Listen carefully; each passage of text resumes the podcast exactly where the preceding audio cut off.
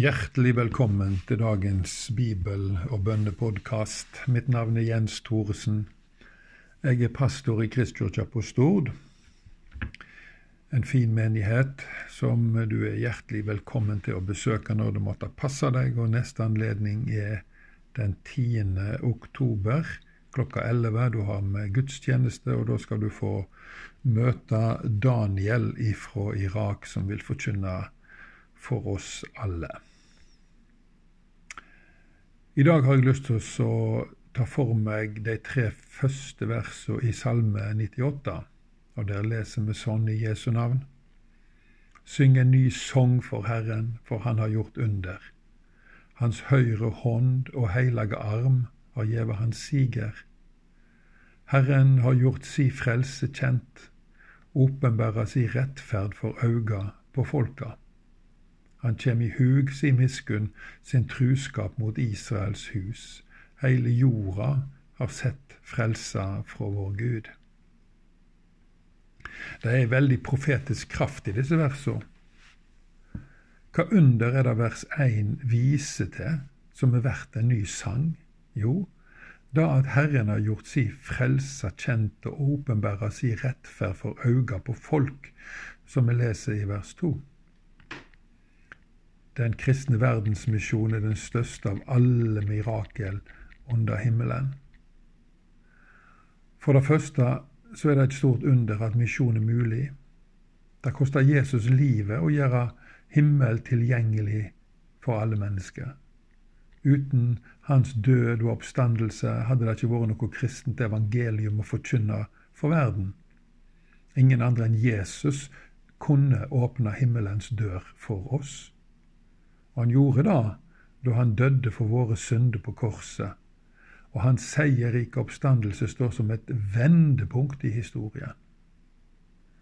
Det var den oppstandende Kristus som gav disiplene sine misjonsoppdraget.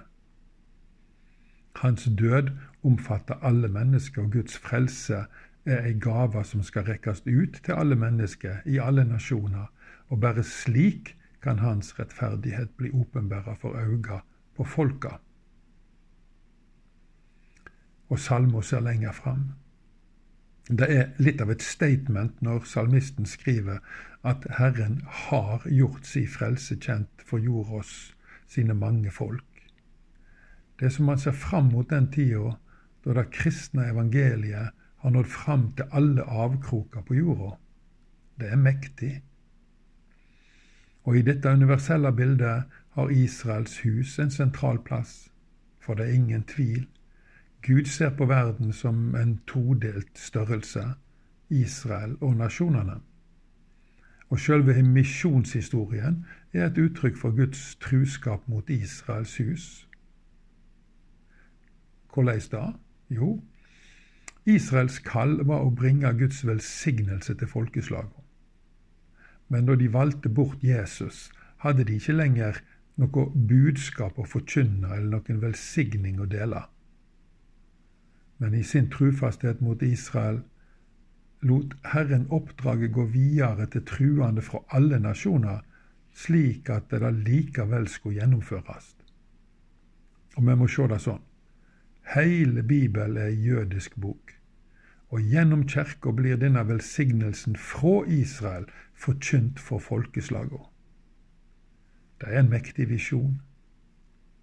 Men i siste fase av dette løpet skal hele Israel bli frelst. De skal anerkjenne Jesus som sin herre og frelser.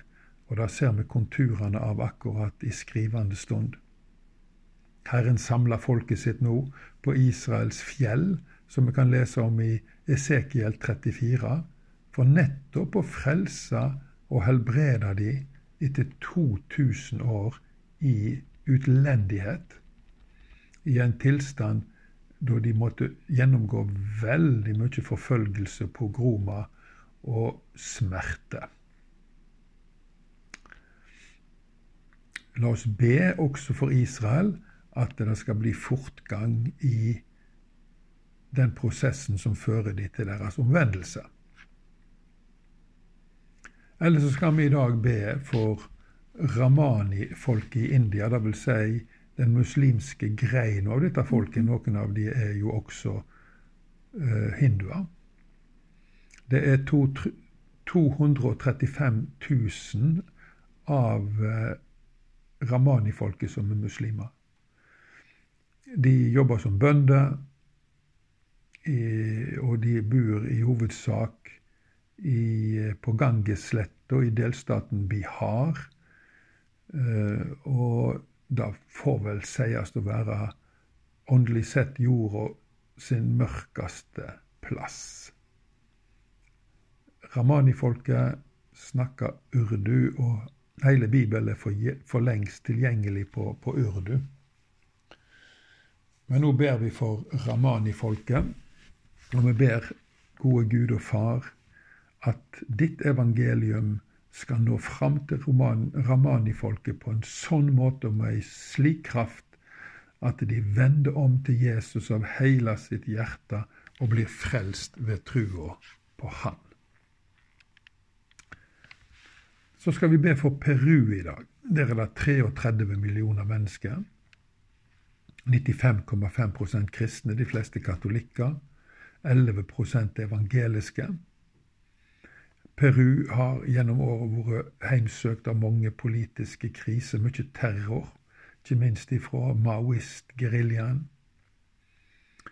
50% av Perus befolkning blir regna som fattige etter FNs standard, og 20% lever i ekstrem fattigdom. Da har de ikke nok til å brødfø seg sjøl og sin familie. Mange av disse tilhører urbefolkningen, de såkalte inka-indianerne. Og de blir ofte grovt diskriminert. Ja, det er masse rasisme i Peru. Det er altså en, en lidende nasjon. Og himmelske Far, vi ber for det første for Perus befolkning at uh, de skal bli frelst ifra sine synder. Og vi ber, gode Gud, om at landet skal bli bada i ditt lys. At Jesus skal bli stor og kjær og viktig for alle peruanerne. Vi ber, Herre, om at at uh, de frelser skal bli kjent for dem, og at de rettferd skal bli åpenbare for øynene deres. Og de rettferd, ja, da er deg sjøl, Jesus, i din egen høye person. Jeg ber om at du skal overta kontroll over det som skjer i Peru. Og jeg ber om rettferdighet også for de fattige. Jeg ber, Herre, om en helt ny tid for Peru, da ting skal blomstre, næringslivet skal blomstre, det sosiale livet skal blomstre, menighetene skal blomstre, kulturen skal blomstre, Herre, og folk skal være vennlige og omtenksomme og gavmilde. Himmelske Far, det er min visjon for Peru, og jeg ber om at det skal skje i Jesu Kristi navn. Og så ber vi Herrens bønn sammen. Vår Far i himmelen. Lat navnet ditt helgas, lat riket ditt komme. Lat viljen din råde på jorda så som i himmelen. Gi oss i dag vårt daglige brød og tilgi oss vår skyld, som vi òg tilgir våre skyldnere.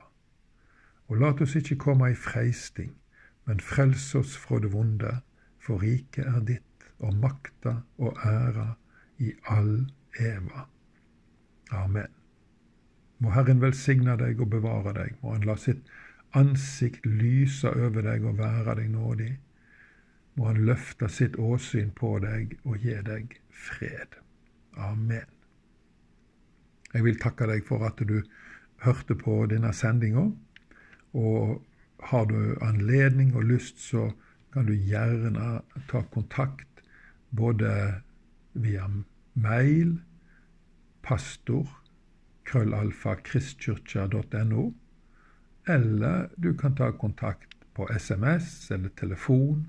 Og telefonnummeret mitt er 47 41 58 60 Fire. Jeg setter stor pris på tilbakemelding.